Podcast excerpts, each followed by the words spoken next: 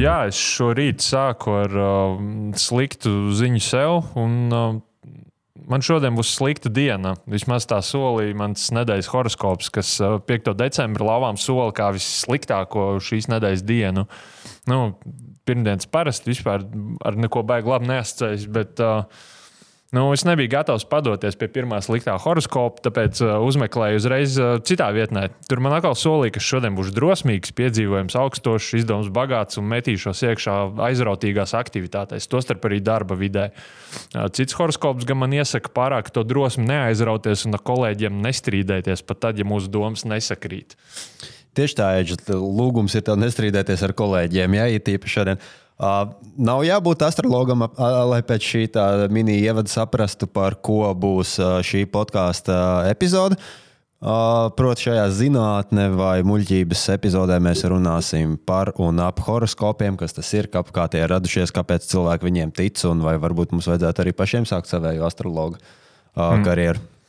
Jā, nu diena, un zvaigznes šodien ir augšā tā, ka mūsu studijā šodien ir divi mārtiņi viesos. Uh, LU dezinformācijas pētnieks Mārtiņš Hiršs, kurš arī uh, viens no kritiskās domāšanas veicināšanas biedrības skeptikafē izveidotājiem. Čau! Sveiks! Un arī no Latvijas Universitātes dezinformācijas un informācijas uztveres pētnieks Mārtiņš Priedols. Sveiks! Sveiki! Mēs noteikti pieļautu rūpju stratēģisku kļūdu, ja mēs uzreiz nepavaicātu, kāda ir jūsu horoskopa zīme un neuzmestu acis, ko jums sola šodien. Bet man, mans jautājums ir, kura horoskopa zīme? Jo ir daudz dažādu horoskopu. Ir tas rietumnieciskais, ko visi zina, bet ir indiešu māju, babiloniešu, vēdiskais un vēl ir, ir pat koku. Pēc koku horoskopa es esmu kastanis. Kā, kā, kā, kā es, kur klausītājs var uzzināt? Tā, tad, tā skaitā es Es godīgi, es, godīgi, es godīgi ne, ne, ne, nezinu, bet man vienkārši bērnībā bija grāmata vecākiem mājās, kur bija tiem horoskopiem. Bet nevis tā, ka nu, tā rietuma astroloģija ir patiesā, bet tur bija visas tās dažādas tās astroloģijas. tas bija viens no tiem aizmetņiem, kas man tā lika sāk šaubīties par to, ka, nu, ka nav viena patiesa astroloģija. Ir daudzas versijas, interpretācijas, izpratnes par to, kā katra tā. Un līdzīgi kā reliģija. Tieši tā, tieši tā. Jā, jā. Un... Es esmu pārliecināts, ka eģis pēc koku un augu astroloģijas būtu Latvānis. Es nu pat ierakstīju pie 5. decembra horoskops kastaņiem, un man jaunākā ziņa, diemžēl, tikai no 2015. gada rīkstkoks, jāsmīns vai kastaņa. Koku horoskops skorpioniem. nu, lūk, nu, lūk, patiesi, tu vari vēl salikt kopā. nu, lūk. Uh, jā, bet mēs tad droši vien pie tā rietumnieces. Jā, pie rietumnieciskā, jā. Tad, tad, tad, tad skorpions. Skorpions, tā, skorpions. Uh, apstīsimies, ko tev sola orākuls. Tā. uh, Ja pirmdien, ja gribi apliecināt sevi, neizvēlēs vieglus uzdevumus, tu pierādīsi, ka spēj tikt galā arī ar sarežģītām problēmām. Sirds lietās gan galvu reibinošu izlēcienus šodien nevajadzētu nu, taisīt. Nu, tieši tāpēc esmu šeit izaicinoša problēma runāt par astroloģiju, un uh, nu, esmu šeit, nebūs laiks nekādām sirdslietām. un otrs Mārtiņš pēc klasiskā horoskopa, nevis pēc kokiem. Hmm. Pēc klasiskā lauva būšu. Oh, ah, tad jau sakrīt ar rēģi. Jā, nu dienu. Viņš uzreiz var arī ieteikt, kur horoskopu lasīt, lai būtu pozitīvāks. jā, nevajag man to negatīvo. Jā, jo negatīvais jāsaka, ka šodien būs vajadzīgs pietiekami daudz veselā saprāta, lai atteiktos no veltām cerībām un nenovērstos no viltus orientieriem prātīgāk rīkosieties, tad, ja nemēģināsi jautājumu pielāgot jau iepriekš zināmai atbildēji. Arī ļoti konkrēts un konkrēts solījums sološs horoskops. Vai, piemēram, nedēļas horoskops lauvām šajā periodā neklāsies viegli, situācija būs sarežģīta, taču ne bezcerīga. Un visticamāk, būs liela finansiāla izdevuma, kas ir diezgan amizanti, jo parasti mēneša pirmās nedēļas sakrīt ar to, ka ir jāmaksā kaut kāda rēķina īres. Un, nu, tā kā pilnīgi jocīgi, ka tie izdevumi tieši šajos un, laikos. Kurš cilvēks nepiekrist, ka ir liela izdevuma mūsdienās? Jā, arī nu dienu. Gatavojoties šai epizodē, mēs reizē apsēdāmies, es apstājos savējo horoskopu. Tur bija, nu, jums nāksies uh, pildīt lietas, kurām jūs esat devis solījumu. Un Eģis tā, nu jā, tu solīji, ka šodien atnāks uz raidījumu. Nu, lūk, tā nu viņš ir. Tā tad, es domāju, varam ķerties klāt pie tās uh, ķidāšanas, kā tad, uh, tas viss radās, kāpēc ļaudis tam tic. Un, uh, es domāju, ka šajā podkāstā baigo uzsvaru uz to zinātnisko pamatojumu mēs nepievilksim. Jo, nu, ja, ja es sākšu runāt arī par zemes asas precesiju un kāpēc tās zīmes nobīdās ar, ar ciklu apmēram 26,000 gadu. Pilnu ciklu veids, tad tur droši vien lūzīs smadzenes. Tā kā varbūt vairāk par to psiholoģisko aspektu. Kāpēc Jā, izrādīsies, cilvēki... ka Mārtiņš sen vairs nav kastans? Jā, iespējams. Nu, lūk, uh, sākam. Jāni, varbūt Uh, jā, teiksim, uh, nu, kur, kur ir tas uh, iemesls, kāpēc cilvēki domā, ka akmeņu un gāzes bumbas debesīs ietekmē vispār raksturu un to, cik nav, daudz naudas mums būs? Jo tagad ir gada nogale. Tas ir ļoti, kad mēs to ierakstām, un arī, kad cilvēki šo klausīsies. Uh, šis ir tas laiks, kurā cilvēki visos ziņu portālos, medijos un astrologos, vietējos un ciemata uh, autobusu pieturās viens otram vaicā astroloģisko prognozi. Šis ir tas laiks, kurā cilvēki meklē to informāciju. Un, uh, kāpēc viņi to dara? Jā, kā tas sākās? Ne, nu, es varu sākt. Tas, tas īsi vienkāršais, vienkārši atbild uz šo sarežģīto jautājumu ir, kad tas kad dod tādu vienkāršu, skaistu, skaidru atbildi, kas sakārto pasauli priekš cilvēka. Nu, ir cik tur 12 zīmes, 12 dažādas personības. Ja tu zini, kādas viņas ir, nu, protams, viss cilvēks daudz mums sapratīs, pazīsi. Uh, sen atpakaļ vienā pasākumā ar draugiem, uh, viena vien, vien paziņa. Nu, teica, reku iepazīsimies, pasaki, kas ir tā tava horoskopa zīme. Nu, lai varētu uzzināt vairāk par tevi. Nu, kaut kādā stereotipiskā kastītē, lai visus varētu ielikt pēc 12 tādiem diezgan vienkāršotiem, primitīviem, vispārīgiem aprakstošiem elementiem. Un tas ir viens skaidrība, otrs ir tas, ko arī pētījumi rāda. Šo šī gada pētījums rāda, ka uh, korelē ticība astroloģijai, horoskopiem ar narcisismu. Nu, ja tev gribās domāt, ka visi globālie debesu ķermeņi tieši tap tevi, tavā dzimšanas brīdī sastājās, katru tavu dienu ietekmē, nu, jā, tad, tad, tad, tad, tad, tad, tad nu, iespējams tev neliela noslēdz narcismu. Ne visiem, bet, bet daļai.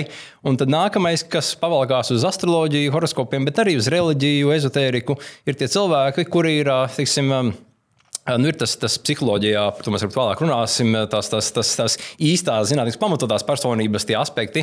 Un viens ir, cik ļoti cilvēki tiksim, tiksim, ir atvērti jaunām pieredzēm, uzticās tiem cilvēkiem, cik viņi ir komunikabli un, un, un, un, un tas no angliski agriebliness, cik viņi ir gatavi būt atvērti jaunajām, un tas, tas arī korelē ar to, nu, teiksim, ja tu uzticies cilvēkiem, ja tev patīk jaunas lietas, tad, tad, tad, tad ilasot kaut kādu interesantu jaunu pareģojumu par tavu personību dienu, nedēļu, pirmā tava reakcija ir, nu, kāpēc gan nē, nu, viņš taču nemalot, un kāds tur rakstīja tos astrologu, jo tos prognozes, ko jūs lasījāt, kāpēc gan viņi mēģinātu mani apkrāpt, nu, netaču, nu, un tad arī šādiem cilvēkiem patīk šādas te skaistas lietas, ko par viņiem saka citi cilvēki, jo ļoti bieži tas ir skaistas lietas, ko saka prognozes. Nu jā, bet ko domāju, tas uh, senais cilvēks pirms uh, 4-5 tūkstošu gadiem. Uh, Veroties debesīs un savalkot kaut kādu pirkstu, kaut kādas līnijas starp zvaigznēm, un sakot, jā, šis ir lācis un tas ir zirgs, un viņi tagad uh, ietekmēs to, kā nor, noris lietas pasaulē. Nu, nu, arī tas vienkārši vēlmi izskaidrot. Uh, lūk, nezinu, uzlec Sīrijus un Nīla aplūst. Tad uh, Sīrijas uzlikšana izsauc Nīlas aplūšanu un auglību. Interesanti, ka nu, te jau var arī runāt par to, Mārtiņš jau ieskicēja par šo narcismu, bet, ja mēs domājam par astroloģiju kā tādu, tā, tā domāšanas veids ir visai egocentrisks. Jo mani mazo ietekmēs Sīrijus. Ja?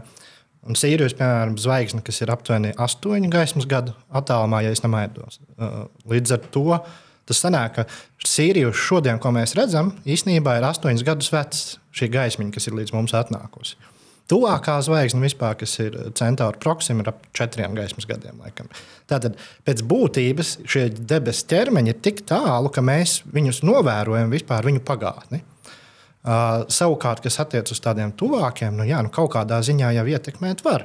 Un, uh, patiesībā nu, tie pētījumi, kas arī rāda, ka kaut kādas nozīmes tam, piemēram, kurā sezonā tu piedzimsti, vai cik daudz saulītes spīdējas tajā mirklī, kad tu piedzimsti, vai cik daudz uh, apstākļu vai kaut kāda veida uzturs ir bijis bagātāks mammai uh, pirms uh, bērniņa dzimšanas. Uh, tas var ietekmēt. Ja? Tad līdz ar to arī nu, tā pati saule. Uh, ja reiz mēs esam uh, dzimuši vasarā, visticamāk, mēs esam pirmajos mēnešos dabūjuši lielāku D vitamīnu devu. Ja? Uh, bet te nu ir jautājums. Tas ir ļoti vispārīgi, un tur mēs varam skatīties ļoti daudz sakarības. Uh, kas vispār ietekmē cilvēku mūžu. Un, ja mēs to pēc tam izvēlamies līdz konkrētām dienām, un tajā pulkstenī iet kaut kur citur saulīte un mainās viss atkal, nu, diez, diez vai tas būs vairs tik precīzi. Ja? Galu galā tas ir nu, visnotaļ tāds jau racionāli izskaidrojams lietas, ko minēji. Nu, labāks uzturs, vairāk saules gaismas, vairāk iespējas pirmajos divos mēnešos pavadīt ārā, siltumā. To mēs visi varam izmērīt, bet šajā gadījumā nu, runa ir par kādu spēku, kas ietekmē no tiem tāliem debesu ķermeņiem. Es nezinu, nu, tā nav noteikti ne vājā, ne stiprā miedarbība. Viņi, kā, viņi, kā viņi mēģina to racionalizēt? Gravitācija kaut kā to zvaigžņu kopumu ietekmē. Nu, senajos laikos, tur tūkstošiem gadus atpakaļ, tur nebija runas ne par gravitāciju, ne par elektromagnētisko lauku. Tie bija dievi. Tieši tā, tās bija tādas proto-reliģijas, mūsdienu reliģiju aizmetņi, kur mēģina skaidrot ar kādām pārdabiskām būtnēm, kas kustās pa debesīm apkārt, nu, kas notikumus, kas notiek tavā dzīvē ikdienā. Nu, un tajā laikā nu, nekā labāka nebija. Un līdzīgi arī kā, kā tas, ko es minēju, mūsdienās arī cilvēkiem dod to, to stabilitāti, to izskaidrojumu, kā tā pasaule strādā. Nu, tajā laikā tas bija tas, tas viens no retajiem izskaidrojumiem, kurš varēja skaidrot pasauli, jo nu, tur ne gravitāte, nekas nebija, kas varētu tev, uh, nu, nezinu, jebko izskaidrot, kas noteikti apkārt. Bija dabas elements, dabas apstākļu, nezinu, likteņa varā.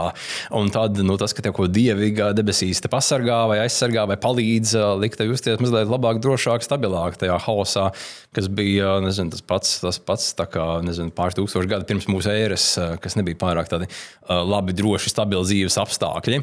Uh, tas viens, no otras savukārt, ko mēs ko arī, arī, arī ieskicējām, nu, ka cilvēkiem patīk, uh, nu, teiksim, teiksim, teiksim, nu, tādus, tādus sarežģītus, kompleksus procesus skaidrot vienkāršiem vārdiem, izskaidrot par to pašu gravitāciju, elektromagnētisko lauku. Nu, īsumā Nu, nu, tiksim, ja mēs skaidrojam, ko tas zvaigžņu ietekme ir, to, ka gravitācija ir, viņas ir tik tālu, ka mēnesim daudz lielāka gravitācija ir, jebkuram objektam šeit telpā lielāka gravitācijas lauks nekā, nekā tā zvaigznē šausmīgi tālu. Bet, lai izskaidrotu detaļās ar fiziku, tas ir šausmīgi sarežģīti. Tas pats elektromagnētiskais lauks, kurš telefonam ir lielāks nekā tai planētai, kā tai zvaigznei, tur miljonus gaismas gadu attālumā, nu, tas arī ir sarežģīti tehniski, zinātniski koncepti, kurus skaidrot prasa laiku, grādus, kamēr nu, planēta tur bija kādā punktā ietekmēja mūsu dzīvi tas tāds skaists, intuitīvs uh, veids, kā jebkurš var saprast, uh, kā viņa dzīve strādā, nestrādā. Un tie apspēkojumi ir daudz sarežģītāki. Arī uh, skatījos, nu, pagājušajā nedēļā padeva ziņu, ka varētu būt šāds raidījums. Es uh, nu, paskatījos, zinātnīs, rakstus, bet iemetu arī Spotify, kur podkāstu paklausīties. Mm -hmm. Gan īsi visi podkāsti, ko es tur atradu, bija tieši kā astroloģija strādā. Jo tas ir vienkārši interesanti. Cilvēki to klausās. Es atradu kaut kādus trīs, četrus par zinātni, kā, nu, kā strādā psiholoģija, astroloģijas, vai, vai kā, nu, kāpēc viņi nestrādā. Un viņi visi bija sarežģīti. Nebija tādi, ka tur paklausies, paliek labāk. Nu, viņi bija tādi tehniski un ne tik interesanti. Tā kā noticēt kaut kam tādam vienkāršam, skaistam, pārdabiskam ir daudz vieglāk nekā atrast to. to, to, to zinātnisko skaidrojumu, kāpēc īsti viņš nestrādā un kāpēc īsti līdz galam viņš nav baigi, baigi tāds pamatots. Jo mums ir arī visiem tie anekdotiskie pierādījumi, ka rekursi izlasīju, nu, ir daudz maz līdzīgi. Nu, jā, kāpēc gan nē? Nu, Kamēr tās lielās statistikas pētījumus, kuri saka, ka rekur, mēs paņēmām 100 tūkstošus, 10 tūkstošus zvaigžņu to zīmju, to, to skaidrojumus devām cilvēkiem, nu, statistiski nav nekādi valīdi mērījumi. Tur, nu, tas, tas cilvēks neinteresē. Tā personīskā pieredze daudz vairāk. Un tas noteikti gan aizvēsturē, gan mūsdienās. Tieši tāpat kā mūsdienu cilvēks izlasa to astroloģisko prognozi, noticis arī aizvēsturē. Gan jau kaut kas sakrita, ja bija pietiekoši vispārīgi pateikts, nebija viņiem netur, netur, netur ziņu kanāli, nekas cits, kas varētu dot informāciju par pasauli. Nu, tās bija viņa ziņas. Viņa lasīja zvaigznes un mēģināja saprast, kas būs uh, nākotnē. Viņi reizēm paveicās, reizēm arī pareizi kaut ko viņi prognozēja. Par tiem vienkāršotiem skaidrojumiem tur jau arī mēs to redzam daudzās citās jomās. Politikā, piemēram, arī atnāk uh, kāds te ir sliktie, te ir labie. Un Un tad tur kāds sāk stāstīt par fiskālo politiku, kaut ko ar kaut kādiem procentiem, un tad, tad atkal viņi tur mums mēģina apčakarēt. Nu, vai arī tas pats ar Covid, arī nu, spilgts piemērs visu laiku. Tā, kā, nu, tā informācija par to, ka hei, hei, rekur varbūt vajag tur ievērot tur kaut kādus tur drošības pasākumus, un jau vienmēr ir sarežģītāk nekā tas, ka patiesībā to visu sarīkojas globālā elite, lai tev nozagtu naudu. Nu, apmēram, jā. Klausies, bet um, cik. Uh, Latvijā un vispār tādā globālā kontekstā cilvēki tic uh, horoskopiem tā nopietni, nevis vienkārši nu, izlasa, lai piedurtos, uzjautrinātos. Nu, pēdējais, ko es atradu, ir 18. Uh, gada dati, un tad 9% saka, ka jā, tic.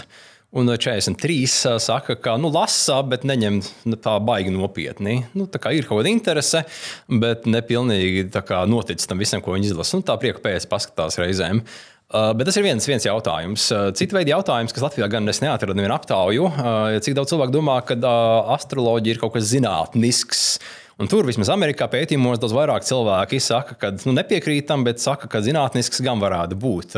Jo, ja pasties uz to, nu, tur ir teorijas, visādas līknes, schēmas, viņa zīmē, nu, ir kaut kāda tā, tā līdzība zinātniskumam. Nu, tam, kad tur pierevju žurnālos viņi netiek un tā nav īsta zinātne, tas, tas daudziem cilvēkiem ir pārāk sarežģīti, bet nu, kaut kāda zinātniskuma aura tam visam ir apkārt noteikti. Tāpēc arī daži cilvēki pavalkās, jo iztās tās zvaigžņu kartes un visu, visu to, ko mēra un rēķina, kāds tāds, tāds pseidozinātnisks elements tur noteikti iekšā tajā visā ir.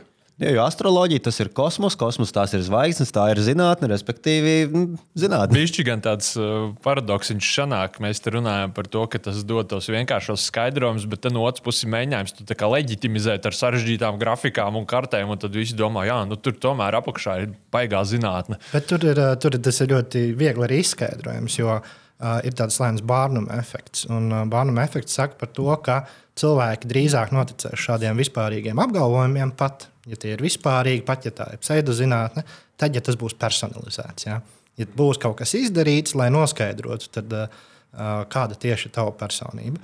Un, uh, un to mēs redzam ikdienā ļoti daudz, kur tas vairāk būtu saistīts nevis ar tādu dienas horoskopu lauvām nolasīšanu, lai gan arī. Uh, ja būtu pieņemsim dienas horoskops cilvēkiem, šodien tas nešķitu tik ticams, varbūt uzticams, bet, ja mēs spējam izvēlēties vienā no 12 kastītēm, kā Mārtiņš teica, tad tas jau iztīsties ticamāks. Un tad nākamais ir pie tiem 9%, pieskaroties 9% no pasaules ir ļoti daudz. Ja? Arī no Amerikas 9% tas ir miljoniem cilvēku. Par, par Latviju 9% no Latvijas. Nu, tad Latvijā, bet arī es klausījos īstenībā raidījumu dažas dienas iepriekš, un tur arī bija minēts tieši, ka ASV ir apmēram līdzīgs tas procents, 9-10%, kas tiešām tic un balsta kaut kādus savus lēmumus. Tā kā, laikam tā baigā atšķirība rietumu kultūrās nav. Varētu būt, ka viņas daudz maz līdzīgas ir šajā. Bet, bet tas ir no, noteikti saistīts ar to arī, kā tas tiek popularizēts. Un uh, internets ir vēl viena burvīga lieta, kas to baigi var kapat, uh, kapitalizēt. Ja? Jo tā, tā realitāte ir tāda, tā to personalizācija internetā ir diezgan viegli nodarboties. Klikšķini tikai kaut kādos kaut ko, un tad tev iedos skaidrojumu par tavu personību. Vēl arī nu, tādi avansētāki uh, rīki, piemēram, liek tev pagaidīt, līdz būs rezultāts. Ja? Jo nevar tā uzreiz pateikt par tavu personu. Ja, tas ir process, kuram jāiziet cauri, lai mēs uzzinātu tieši par tevi. Zvaigznes tur štuko un rēķina, kāds tas Jānis ir tagad. Tev liekas, ka viņš tieši man tagad domā par mani ļoti. Un pie mūsdienu program, programmatūra kapacitātes, nu, visticamāk, ka tā atbilde jau sen jau viņiem ir skaidra, bet nu, tik un tā ir mazliet vēl jāpagaida, kamēr tu uzzināsi savu unikālo tikai tev veido to šo kaut kādu veidu procesu. Un tas kopumā arī citām pseidozinātnēm, teiksim, alternatīvā medicīnā, ir pētījumi, kas rāda, jo lielāks ir šis te tā, tā iejaukšanās, jo placebo efekts ir lielāks. Ja tev ir tur, nezinu, tur kaut kāda karmiskā ķirurģija, tur kaut ko apstāsies apkārt cilvēku, kaut ko tur dara ar tevi, uh, tas efekts būs lielāks nekā vienkārši tabletīti, ja iedzerot placebo tabletīti. Uh, tāpēc nu, tev vajag, nu, teiksim, cilvēkiem vajag to, to personalizēto pieeju, kad reku priekš tevis unikāls zvaigžņu kārtas sazīmē, tev ir tik unikāls vienalga, kas tur leņķis Marsam ar Venēru vai kas tur. Uh, tas cilvēkiem patīk, viņi uz to pavalkās diezgan, diezgan, diezgan labi. Ja tā visa ir kaut kāda pseido zinātnē apakšā, kaut kāds tas uzskatu sistēma, kas ļauj pārdot nedaudz labāk tavu to maģisko preci. Mums vienkārši visiem gribas, lai par mums parūpējas. Un kas var būt foršāks par to, ja viss kosmoss par tevi rūpējas un domā par to, kā tev šī diena izdosies vai neizdosies. Nu, acīm redzot, nu, ja jau saglabājies, saglabājies tūkstošiem gadu, tas ir kaut kur mums apkārt, tad, tad, tad, tad tas mārketings viņam labi strādā. Jo viens jautājums ir par to, ko mēs laiku runājam, par to, kā astroloģija skaidro procesus mums tādā garā, bet uh, ir vēl viens aspekts, ko astroloģija dara. Viņa pa lielam pareģo nākotni mums. Kā, kā astrologi skaidrot, kāpēc viņi, kā, kā viņi spēj pareģot nākotni? Jo okay, es saprotu, ka viņi man skaidro, ka tur zvaigznes stāv šitā, tāpēc es esmu šitāds. Bet kā viņi izskaidro to, ka zvaigznes stāv šitā, tāpēc ar tevi pēc mēneša notiks tā? Nu, viņš tur kustās apkārt, tās tā zvaigznes un visādi tie, tie leņķi, ko viņi mēra un rēķina. Bet uh, nu, tas, tas, tas, tas primārais, uh, nu, nu teiksim, tu, tur nav kaut kāds tāds tas, tas fizikāls process, uh, kā, kā to viņi varētu. Nu, tur nav nekāda tā, teiksim, daži skaidro to gravitāciju, elektromagnētisko lauku, citi vispār nekādā veidā neskaidro to, kā tās zvaigznes mūs ietekmē. Piemēram, mums bija skeptika kafejā sen atpakaļ diskusija astroloģija un psihologs. Un astroloģiju mēs prasījām, astroloģija biedrībai atsūta kā, nu, kādu pārstāvi un atsūtīja.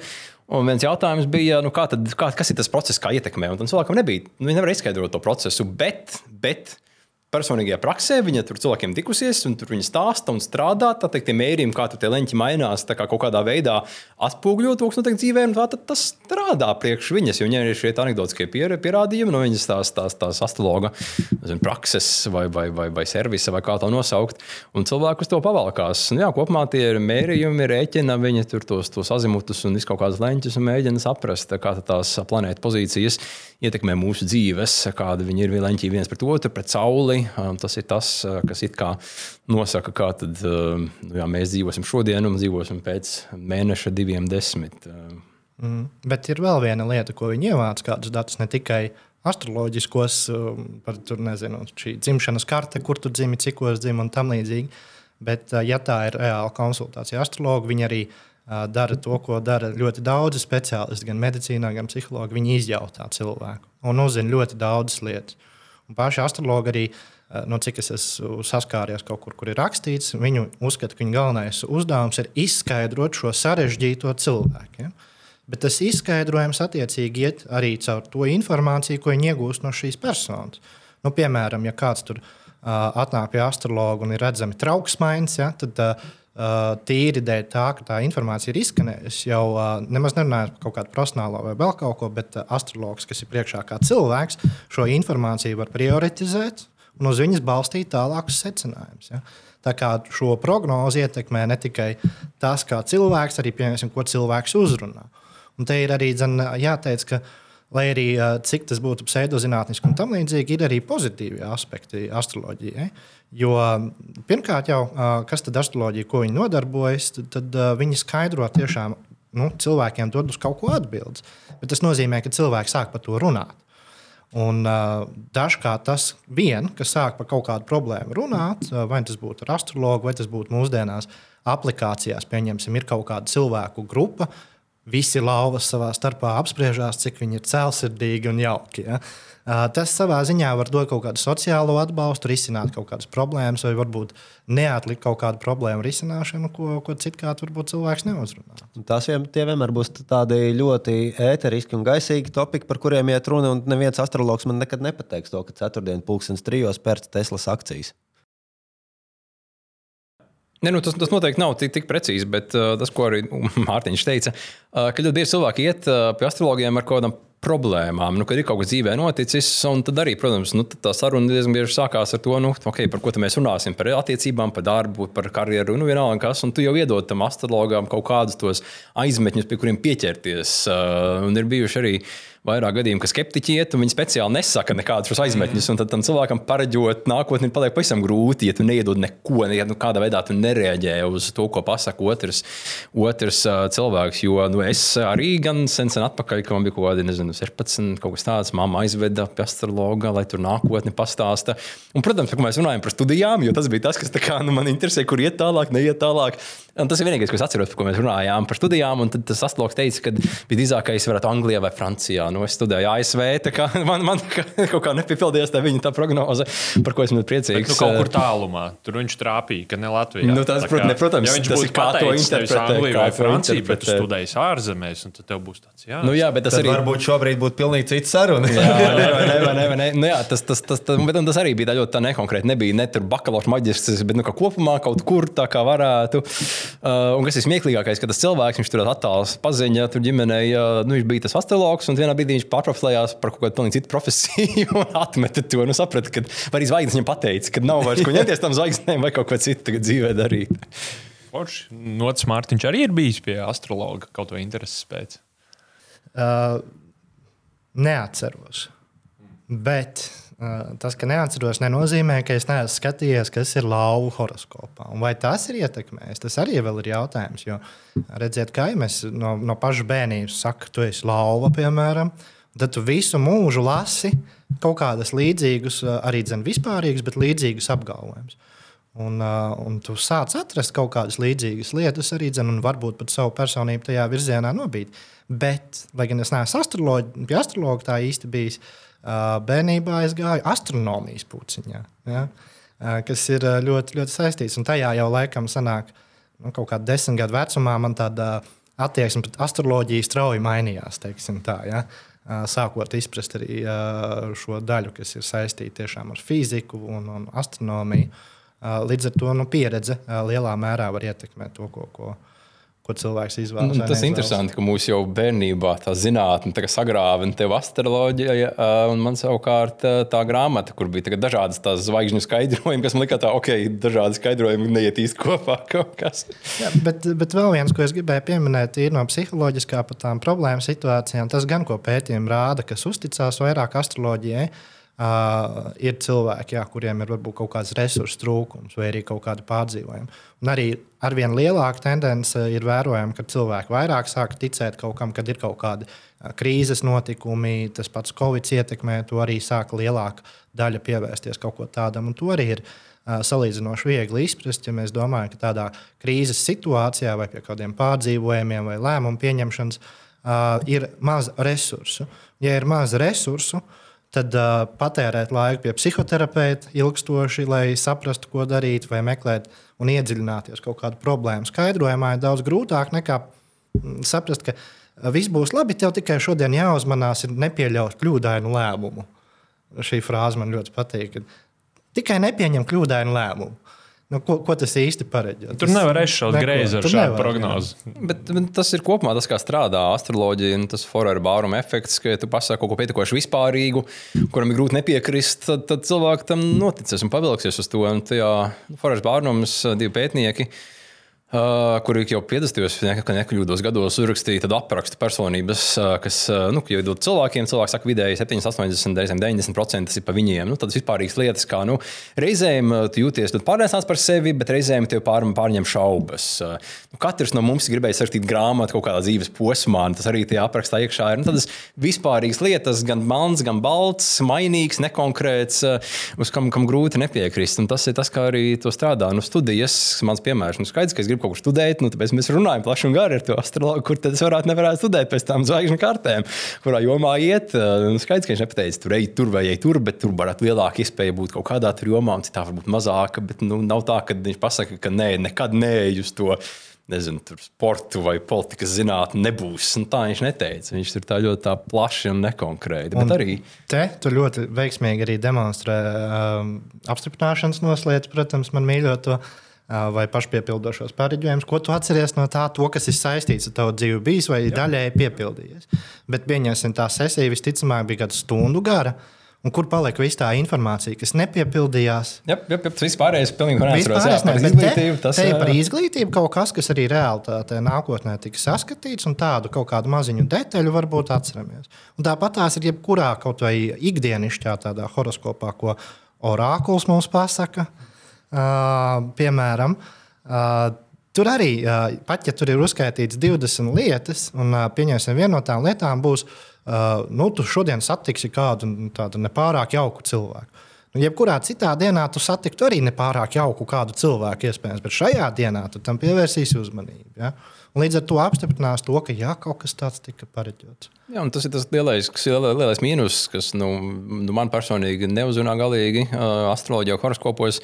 Tie brīdī, kad tu sāc ietekmēt kaut kādus savus ikdienas lēmumus, nu, kaut kādā pilnīgi random tekstā, reāli, kas nav ar neko saistīts, nu, kad pieņem lēmumus, nebalstoties nu, kaut kādos reālos inputos no apkārtējās pasaules, bet nu, vienkārši tā kā randomā metot, metamā kalniņu pa lielam monētu, metot gan drīz vai nu kā tad teiks tev kaut kāda random prognoze, mm. to arī darīs. Un... Satiku burvīgu cilvēku, saskan ideāli, ir par ko runāt, varētu uh, veidot attiecības pret astroloģiskā karte nesakrīt. Jā, vai arī vienkārši nepreizā zīme, kas, kas liecina, ka nesaskanēs nākotnē. Nu, un arī tas nav tikai par to, tas arī ir par par kaut kādām darba izvēlēm, par karjeru, par visu kaut ko ir cilvēki tas pats. Un nu, pat arī zināmi cilvēki. Ronalds Reigans, piemēram, prezidents ASV, ticēja horoskopiem, astroloģijai. Protams, es nezinu, cik ietekmē viņa lēmumus iekšpolitikā, ārpolitikā. Bet arī Latvijā, kurš bija Latvijā? Latvijā arī bija kāds politiķis. Padomāšu, atcerēšos, varbūt. Jo, kamēr tu mēģini atcerēties, mēs runājam par tām vispārīgajām lietām, ja? un šeit tad astrologiem arī paslīd pateikt kaut ko konkrētu. Uh, un uh, nepaslinkojām, mēs patinām nedaudz bildi atpakaļ. Valsts lielākie astrologi uh, starp valsts lielākajiem medijiem izteica prognozi par 2022. gadu. Uh, nu, mēs visi zinām, kāds šis gads ir bijis apmēram šobrīd. Vēl decembris gan ir priekšā, bet uh, apmēram tās lielās vadlīnijas varam. Atļaušos izteikt prognozes, ka nekas stipri nemainīsies atlikušajā decembrī. Tā vismaz zvaigznes saka. Un šeit es izrakstīju pāris citātus, ko mums bija prognozējuši astrologi. Jārēķinās, ka līdz 2023. gada vidum zvaigznes paģēra pastiprinātu kontroli un regulāciju, proti, nezudīs vajadzība uzrādīt QR kodus un uh, ievērot visu citu, ko no mums prasa. Es, es nezinu, kad jūs rādījāt pēdējo reizi QR kodu? Varbūt pavasarī. es arī kaut kad pavasarī. Jā, jā nē, man piepildījās. Nesen lidoju, un tur bija QR kods, lai tiktu gaitam cauri. Nu, lūk, tātad divi divi pret viens. Tad šis man patika. Ļoti konkrēts arī solījums, ka īpaši labs biznesa lēmumiem būs februāris. Pārcelt biznesu no Krievijas projām. Tas tieši tā. Turpinājums tam pašam. Rudenī atkal gaidāja, gaidāmi uzlabojumi finanšu jomā. mm, safīgi. Jā. Un uh, arī šis tās ļoti konkrēts bija zvaigžņu stāvoklis kaut nedaudz, bet tomēr liek domāt, ka demogrāfija varētu uzlaboties. Ja ne gluži pieaugums, tad vismaz jaundzimušo bērnu skaita samazinājums vairs neturpināsies. Ļoti konkrēti apskatījos CSP datus. Ja vien decembrī kāds ne, ne, ne, neuztaisīs baigāko metienu, tad, tad 2022. gads būs krietni zem iepriekšējiem. Jā, mums vēl ir viens lielisks piemērs. Uh, Jānis arī pašapitēja vēl bišķi senākā vēsturē un uh, atrada video no 2020. gada, no 19. respektīvi par prognozi 20. gadam. Un, uh, tur kā dāma prognozēja, ka tas būs nu, brīnišķīgs gads visos aspektos. Jā, viņa uh, kanāla CBS Ņujorkā tiešajā eterā. Viņa, viņa pēc tam baigo tādu pretriecienu dabūja no saviem faniem par šo. Uh, Jo viņa prognozēja īsumā šādi. Es pielikšu arī tuvāk mikrofonam, lai dzirdētu skatītāji. Thank you for having me. It's a great year. Good. There's lots going on, and it will be a prosperous year. That's good you know, know. They keep saying recession. No, I don't see it. No, like it's going to be good. Well, first... Un tad viņi turpina tālāk par to, cik fantastiski labs būs 2020. gads visiem. Viņš būs šāds plaukstošs. Man ļoti patika viņa mez, mežāžiem. Es tikko saminstinājos, bet šai horoskopu zīmē viņa solīja, tas būs smaragda gads, pats fantastiskākais gads, kāds viņiem jebkad ir bijis. Un komentāros kāda sieviete rakstīja, ka viņai no Covid miruši radinieki. Viņa darbā nav bijusi trīs mēnešus. Viņas pilsēta ir aizdegusies un globālā ekonomika ir tuvu sabrukšanai. Un, un uzskaitījusi vēl virkni ar lietām. Un, uh, viņi bija neapmierināti ar savu astroloģisko prognozi. Uh, Jā, nu, tā, tā ir tā problēma. Ja, ja, ja astroloģija spētu prognozēt nu, kādus milzīgus notikumus, kā šos te karš mūsu reģionā, vai, vai Covid visā pasaulē, vai iepriekšējā pasaules kāri, nu, tam būtu jāparādās kaut kur. Jābūt, nezinu, tam Marsam jāparāda kaut kas tajā kartē, būtu kaut kas dramatisks, bet nu, nu, nevar viņu prognozēt. Un tas tas joks ir, nu, ja astrologi vai jebkurš nākotnes pareģotājs spētu pareģot nākotni, kāpēc viņi nav tur bagāti, slaveni, veiksmīgi, jo viņi varētu pareģot, kas viņiem jādara, lai sasniegtu šos te, nezinu, kriptovalūtas jāpērk pirms pieciem pieciem gadiem, piemēram. Bet vēl arī, ka nē, nu, ir kaut kādos brīžos, kad var to pareģot. Nu, piemēram, ja mēs skatāmies vēsturiski, ļoti, ļoti senā vēsturē, tad uh, ar astroloģijas palīdzību, ja izdevās izskaidrot saules aptumsumu, tad varēja paglābt kādu karali no nāves par to, ka dievs socināts pār viņiem. Ja? Tad viņi pareģoja, ka nāks saules aptumsums, iebāz nezinu, karali kaut kādā alā, un viņu nenoliņķoja. Ja? Tad, tad tas, ko viņi var pareģot, viņi var pareģot kaut kādu zvaigžņu un izkārtot. Nu, pavisam... Jā, bet tur jau lien iekšā astronomija, kur zina, kad saulīte tajā laikā aizklās. Mēnes. Tur jau ir tā lieta, ka toreiz, toreiz īstenībā tas, tās ir astronomiskas zināšanas, kas vienkārši caur tādiem cilvēkiem varbūt nonāca tālāk. Bet vēl kas ir ļoti būtiski jāmin, jūs nepaslinkojāt un pārbaudījāt un salīdzinājāt, bet reti, kad kaut kas tiek salīdzināts, vai šīs prognozes piepildās vai nē. Un, nu, jāteic, ka viena no tādām labākajām pareģošanas spējām šķiet ir uh, multfilmai Simpsoni. Ja? kādēļ tā? Kādēļ tā? Tādēļ, ka vienkārši tā satura ir tik daudz, un tur tiek izmantot tomēr aktuāli koncepti vai aktualitātes sabiedrībā vai zinām personāži, ka īsnībā radot tik daudzus apgalvojumus, nu, vienkārši statistiskā varbūtība paredz, ka kaut kas no tā piepildīsies. Ja? Un līdzīgi ar to astroloģiju. Ir, nu, um, ja ir tik daudz dažādu apgalvojumu, kaut kas no tā piepildīsies. Bet vai to pārbaudīs un cik liela daļa? Un tur gan ir ļoti, ļoti gani, gana labi pētījumi, zinātniskie bijuši. Tā ir skaitā ar astrologu līdzdalību 80, 1985. gadā, viens no slavenākajiem, kur tika salīdzināta šī prognostiskā nu, varbūtība, ka kaut ko tiešām varēs pareģot. Nu, nav lielāka kā varbūtība tāda, ka vienkārši ir metot, ziniet, kā metot monētu, ir varbūtība 50 pret 50, uz kuru pusi nokritīs. Un tāda pati ticamība ir arī astrologiem. Tā var būt un tā var nebūt. Starp citu, arī, nu, tur arī nāk klāta vienkārši elementāra loģiskā domāšana. Jo arī viens no astrologiem uh, februārī bija prognozējis, arī 2022. gada prognozēja, ka ir gaidāms politisks saspīlējums starp Ukrajinu un Krieviju. Kā, nu, tas ir līdzīgi kā nezinu, šobrīd. Ko nebija diezgan kā... grūti paredzēt, ka jau vairākus mēnešus Krievijas armija pulcējas pie Ukraiņas robežām un žvadzina ieročus.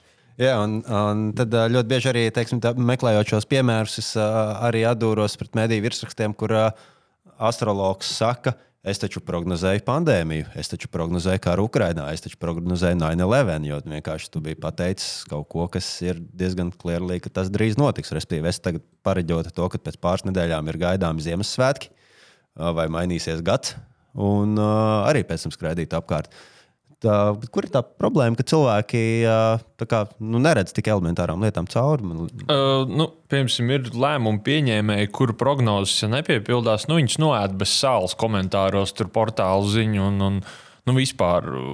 Valdība, protams, klasiskais piemērs. Tad kā labi ļaudis piedod šīs 95% kļūdainās prognozes astrologiem? Nu, es domāju, jo ka... nesalīdzina vienkārši. Nē, nu, es domāju, tas, ko Mārtiņš teica, ka tās prognozes ir uh, tik daudz, ka noteikti var atrast kādu, kurš pareizi prognozē. Un otrs ir tas, ka kopumā jebkuram arī ekonomistam, politologam ar visiem grādiem, tiešām, kas balstās zinātnē, pētījumos, arī viņiem ir ļoti grūti paredzēt nākotni. Un tā, nu, kā ķipa, eksperti, kas zinātniski eksperti kļūdās reizēm, nu, pat reizēm diezgan, es pieļauju, tikpat daudz, gan kā astrologi par nākotnes prognozēm, ko dos tur lielos sociālos jautājumos. Nu, kā šāks, ja nesāksies pirms gada, neviens to nevarēja paredzēt, vai pandēmija sāksies, nesāksies, nu, neviens to nevarēja paredzēt. Un, protams, bija gan jau kāds arī no zinātniekiem, kurš tur saka, ka rekur nākotnē globālās pandēmijas ir problēma priekš pasaules, jo tur A, B un C, vai arī ka karš ar Ukrajinu un Krieviju, tas pats Arstovičs arī prognozēja, ka būs kaut kādi, nu, bija kaut kādi gan eksperti, kas prognozē, gan arī kaut kādi šie gan jau arī alternatīvi eksperti, kas no zvaigznēm iedvesmojušies, ko prognozē. Uh, bet tā kopumā tā ir tā problēma, ka nākotnē paredzēt ir ļoti, ļoti grūti. Ļoti daudz ekspertu kļūdās, un uh, nu, iespējams ne pat īpaši labāk ekspertiem iet prognozēs par nākotnes jautājumiem kā, kā astrologiem. Tāpēc daudziem cilvēkiem viņš, viņi varētu vilkt vienādību zīmi. Eksperti arī neko nesaprot. Nu, tikpat labi ir astrologu prognoze, ir tikpat ticama kā eksperti, bet nu, tur nav vaina ekspertos. Tur vien vienkārši vaina, ka pasaule ir tik sarežģīta, kā, kā prognozēt nu, karu. Tas ir no Putina, varbūt viņa tuvākiem līdzvietniekiem atkarīgs. Sāksies, nesāksies. Neviens eksperts to paredzēt nevar. Un tāpat par pandēmiju. Tu vari būt ar visvairākiem nezinu, pasaules līmeņa eksperts imunoloģijā, bet tu nevari prognozēt, kurā tieši brīdī kāds Ķīnā apēdīs sikspārni vai, vai, vai, vai, vai ko nu tur no kurienes pandēmija sākās. Dienu par kam bija versija par to, no kurienes sākās pandēmija. tur šķiet bija zviņas minēts. Jā, viņi bija ļoti konkrēti. Viņi bija tik konkrēti, ka es tam noticēju. Es tam neironiski ticu, ka tieši tā arī bija. Un tas ir, tas ir vēl viens. Mēs ticam, un cilvēki tic tam, kam viņi tic. Un, ja viņi uzticās, pieņemsim, vairāk, vai īstenībā, ja viņi nav tā, ka neusticās astroloģijai, viņi var nu, uzticēties vairāk astroloģijai nekā kaut kam, kam viņi neustic. Piemēram, politiķiem vai ekspertiem vai tam līdzīgi. Ir tāds uzticības paradoks. Ja es neticu nekam, kas ir zinātnisks un, un, un vispār pieņemts, tad visticamāk es ticēšu kaut kam apšaubāmam. Un, un, Nu, jā, piemēram, nu, jā, jā, un tas kopumā nu, tā korelācija, kas arī ir sazvērstības teorijām, kopumā kaut kādiem alternatīviem pasaules skatījumiem, ir, nu, ja cilvēki neusticās tur valsts iestādēm vai, vai, vai nu, nezinu, tam, ko varētu nosaukt par mainstreamu, tad daudz vieglāk cilvēkiem kādos alternatīvos pasaules skatījumos. Un tas arī par pašu Kremļa dezinformāciju, nu, kas korelē visvairāk Latvijā ar to, kāpēc cilvēki tic nu, Kremlim. Nu, viens ir tas, ka viņi patērē tos mēdījus, otrs ir tas, ka viņi neusticās Latvijas valsts iestādēm.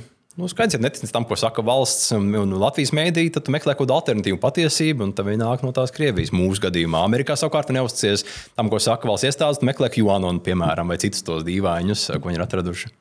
Interesanti, jā, neusticos uh, valdībai, tāpēc uzticēšos citai valdībai, kur uh, iebruk citās valstīs. Jā, jo nu, tieši tas ir alternatīva. Tā ir tā alternatīva. Un arī tieši tāpat ezotērija piedāvā uh, kaut ko alternatīvu tam mainstream stāstam par pasauli. Nu, ja tev nepatīk, ja tu neuzties kaut kādiem iemeslu dēļ, nu, tam nezinu, mainstream autoritātēm, tas ir tas, tas nu, tikai astroloģija, bet kopumā tas viss. Tas, uh, nu, tā, nezinu, tā, tā alternatīvā, gan medicīna, gan alternatīvais kaut kāds tas nezotērija, tas ļoti, ļoti plašs termins, bet jā, nu, viss tas nu, alternatīvais skatījums. Nezinu, cik tur ir dati, bet uh, Jānis bija atradis uh, rakstu no Atlantika. Tev bija tas jā. gabals, jā, ka jā.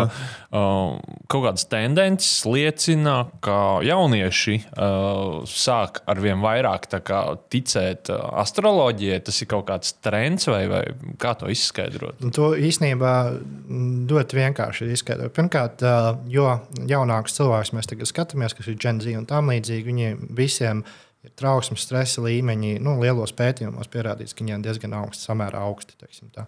Otrakārt, šī paša tiešsaistes mēdīņa patēriņš, patēriņa nu, raksturlieluma, ko pārsvarā skatās, ir ļoti īsus, vienkāršus informācijas tādus avotiņus. Ja? Vai tas būtu īsts video vai īsts rakstīns. Neviens nelasa apsvērtu, ilgu, atvainojiet, bet kvalitatīvu žurnālistiku iet uz leju, jo vienkārši vajag ātrāk to izdarīt. Un tas arī ir tas, ko astroloģija piedāvā. Ātrus risinājumus, un tajā mirklī, kā es minēju, tā, kad resursi ir maz, un resursi cilvēkam ir maz, pieņemsim, tad, kad viņiem ir augsts stresa līmenis vai trauksmes un tam līdzīgi. Līdz ar to tad, uh, ir vieglāk noticēt tam ātram, ātram izklaidējošam, pat varbūt dažkārt saturam, nekā kaut kam padziļinātam, pievērst uzmanību, tērēt savus kognitīvos resursus, laiku, vispārējo, kuru tāpat jau vairs nav. Tas ir sliktas ziņas šim podkāstam. nu, vēl viens stundu garš apmēram. Vēl, vēl, vēl viens skaidrojums, kas gan varbūt nav tik, tik spēcīgi pamatots. Uh, Uh, ir tas, par, uh, ka organizētā reliģija ja, uh, paliek vājāk gan Amerikā, gan arī pie mums. Uh, nu, Padomju Savienība diezgan efektīvi izkāva uh, reliģiju, nu, baz, nu, baznīca, katoļu baznīca, Lutāņu baznīca Latvijā. Un tāpēc 90. gados arī mūsdienās visās tur alternatīvās lietas, ezotērija, plaukst un zeļa. Un Amerikā arī nu, kristietības tas, tas, tas, tas, tas, tas, tas līmenis, tik daudz cilvēku tic tur dievam, bībeli, mēdz baznīcu, iet uz leju lēnām pakāpeniski. Un tad nu, kaut kas cits pavalk tos cilvēkus, kuriem vajag to kaut kādu alternatīvo, ezotērisko, pārdabisko dzīvē. Nu, un šī gadījumā Uh, horoskopa astroloģija ir kaut kas, kas, kas ļoti labi uzrunā cilvēkus ar šiem vienkāršotajiem skaidrojumiem par personībām. Bet arī, nu, uh, ja gribās zinātniskāk, tad, tad mūsdienu tad zinātniskā astroloģija ir šis Meijera Briggs tests, arī 17 personības tipi. Tu esi arhitekts, inženieris, un tā ļoti vienkārši. Un tā zinātniskais pamatojums tam ļoti, ļoti, ļoti ļodzīgs. Uh, ja tu gribi atrast kaut kādu to skaisto kastīti, kurā sev ielikt, tur atrast arī kaut kādu pseidozinātnisku, kuram nav tūkstošiem gadu vecas saknes, bet kuriem ir it kā, it, it kā mūsdieniskas. It kā zinātniskas, bet arī 17 kastītēs ielikt visas personības nu, nevar. Mm. Uh, sākumā jau bišķīt par to Mārtiņš Priedols minēja, bet uh, nu, kāpēc cilvēki tic? Bet, uh, man jautājums, vai tas ir slikti, ka cilvēki tic horoskopiem? Un, uh, un tam līdzīgām lietām. Un, ja viņi to dara normālās devās, tad mēs varētu arī definēt, kas tad ir normālā deva. Vai, vai ir vērts pieņemt kaut kādus nesvarīgus lēmumus dzīvē, balstoties uz horoskopu, ja tā tev ir vieglāk dzīvot, vai arī tas tomēr ir nu, diezgan bīstams ceļš, kur iet? Nu, pirmkārt, eh, vai tas ir viennozīmīgi slikti? Es teiktu, nē, noteikti, ka nē, jo, eh, kā jau minēju, tam var būt kaut kādi pozitīvi efekti. Par to pašu astroloģija, ja mēs ieiesim grāmatnīcā, kur astroloģijas grāmatas būs netālu no psiholoģijas grāmatām pārsvarā. Ja? Tas liecina par kaut kādu vēlmi uh, cilvēkiem uz paša, paša iepazīšanu vai kaut kādu problēmu risināšanu, kas pats par sevi nav slikti. Daudz sliktāk būtu neticēt nekam un ignorēt visas pazīmes, ka kaut kas varbūt ir problemātisks vai tam līdzīgi. Uh, bet tad ir tas jautājums, kur ir tas slieksnis. Uh, Uh, un tas slieksnis ir uh, tajā mirklī, kad jā, patiesi tā kā Mārtiņš minēja par to, ka ja mēs pieņemam kaut kādus kritiskus lēmumus, piemēram, šajā gadā man prognozē uh, nezinu, neveiksmi medicīniskās manipula manipulācijās, un, un es tādēļ neoperēšu kaut kādu ilgstošu kaut kādu problēmu. Un, protams, ka tas ir, tas ir galējs un tāds hiperbolizēts variants, bet jā, tajā mirklī, kad svarīgi būtiski ikdienas lēmumi tiek pieņemti saskaņā ar viņu nu, nejaušības principos balstītu pseidozinātni, tad tas, tas ir diezgan riskanti. Tā tas ir slikti. Tas ir līdzīgi kā ar droši vien alternatīvo medicīnu. Ne? Kamēr tev zāļu tantiņa iesaka dzert zāļu tējas, viss ir ok, bet ja zāļu tantiņa saka, nē, operēt savu audzēju un dzert tikai zāļu tējas, tad tā jau ir problēma. Jā, un tā, tā plašāk paskatoties, nu, kāpēc kopumā man, man nepatīk nu, gan astroloģija, gan kādas alternatīvās, jebkuras zinātnes un, un medicīnas. Tas ir noteikti domāšanas veidu. Tas atver tevi nu, maģiskai domāšanai, tādam, tādam pārdabiskam pasaules skatījumam. Un, un, ja tu tici jau vienam, kur tās zvaigznes kaut kā ietekmē, un ir kaut kādas pārdabiskas enerģijas, kuras kaut kādā veidā, veidā nu, kontrolē manu dzīvi, Tie nākamā brīdī saskaries kādu citu, vēl alternatīvāku, ezotēriskāku stāstu par, par nezinu, ko, nu, kas pavisam sagroza realitāti. Tas tev atver vēl vairāk šim nākamajam maģiskajam stāstam. Nu, tam pretī stāv šis zinātniskais pasaules skatījums, ka vajag datus, pētījumus, pierādījumus, kas ir pilnīgs pretstats tam, kad rekur man nostrādāja manā, manā, praks, manā personīgā pieredzē. Šis ir bijis tā kā, tā kā efektīvs. Uh, nezinu, vai no astroloģija vai vienalga, kas ir tas, kam tu tici, kamēr zinātnē strādā pilnīgi citādāk. Un tur ir šī te, kaut kāda tā, tā, tā, tā domāšanas veidu cīņa savā starpā. Tas zinātniskais, kas nu, dod labākus rezultātus, tas, tas, tas ļauj ārstēt slimības, tur reku datori, siltums, šis pats podkāsts, visi zinātnīs rezultāts. Un tā ir tas alternatīvais pasaules skatījums, kurš mēģina solīt ar enerģijām, ar, ar, ar, ar domām, ar visādiem spēkiem. Uh, kaut kādus rezultātus, nu, kuri objektīvi nu, nestrādā. Nu, ja viņi strādā, tad, tad, tad viņiem būs labāk rezultāti nekā viņiem reāli ir. Uh, nu, lūk, un tad, tad mēģina cilvēki aizvest neceļos ar šo te, nu, tā kā, nu, kāda astroloģija, tā kā tāds gateways uz daudz, daudz lielākām. Um, nu, teiksim, Būtībā kā vieglā narkotika, kur jā, ir jā, jā. Uh, gateways uz smagajām nu, narkotikām. Nevienmēr jau, vai Protams. ne? Liela daļa vienkārši lasa tos horoskopus kaut kādā mērā notic, un tas jau droši vien nenozīmē, ka 90% no viņiem pēc tam ar skunks astes cepurī kapitolīšu turmēs un jā, mēģinās atrast pagrabā. Tur... Tieši, tieši tā, tieši tā. Un tas arī, ko Mārtiņš Mārtiņš saka, viennozīmīgi ir, ir kaut kāda procentuāla iespējamība. Tu aizies pie astrologa, tiešām sevies labāk, tev palīdzēs.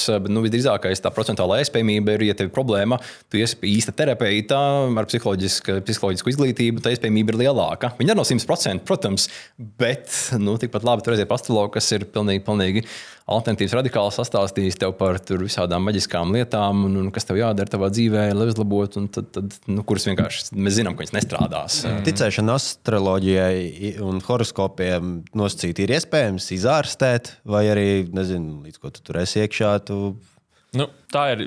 Es domāju, tādās dzīves situācijās, kur tā tev var būt problēma. Nu, piemēram, ja tev biznesa partneris ir uh, cilvēks, kurš balsta visus savus lēmumus uz, uz uh, to, ko viņam saka horoskops, nu, tas sāks smagi ietekmēt arī tevi. Vai, vai nu, vienalga, ģimenei tūs cilvēks.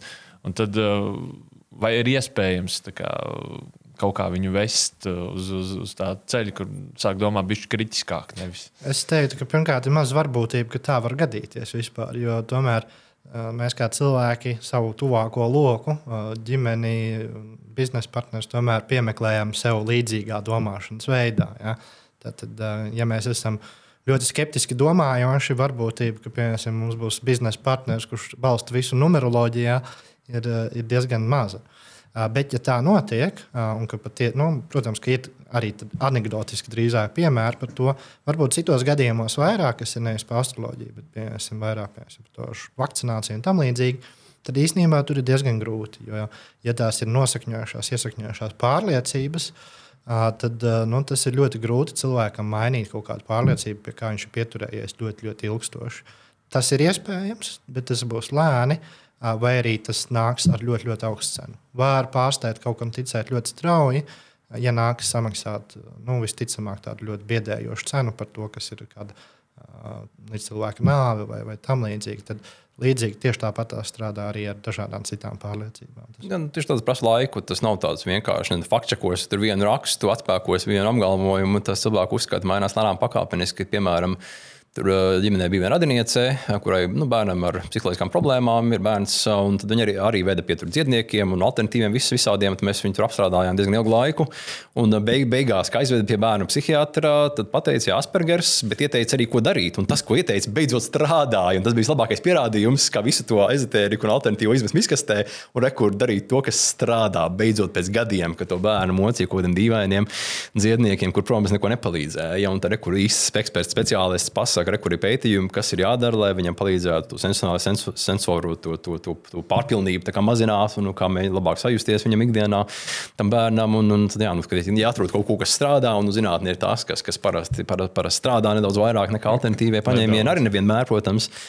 Uh, nu, lūk, tas bija tas, kas cilvēku uzrunāja un mēģināja mainīt domas, bet tas, bet tas bija gadi, un tas nebija tāds, tāds, tāds, tāds, tāds on-off. Tas bija lēns, pakāpenisks process. Un tā arī tie, tie viedokļi mainās cilvēkiem. Uh, jā, nu, tas, tas, tas, tas naivais, ka mēs tur atspēkosim dezinformāciju, un tas uzreiz mainīsies. Vai arī izslēgsim ārā Kremļa mēdījus, un cilvēki pēkšņi necies vairs Krievijas stāstiem.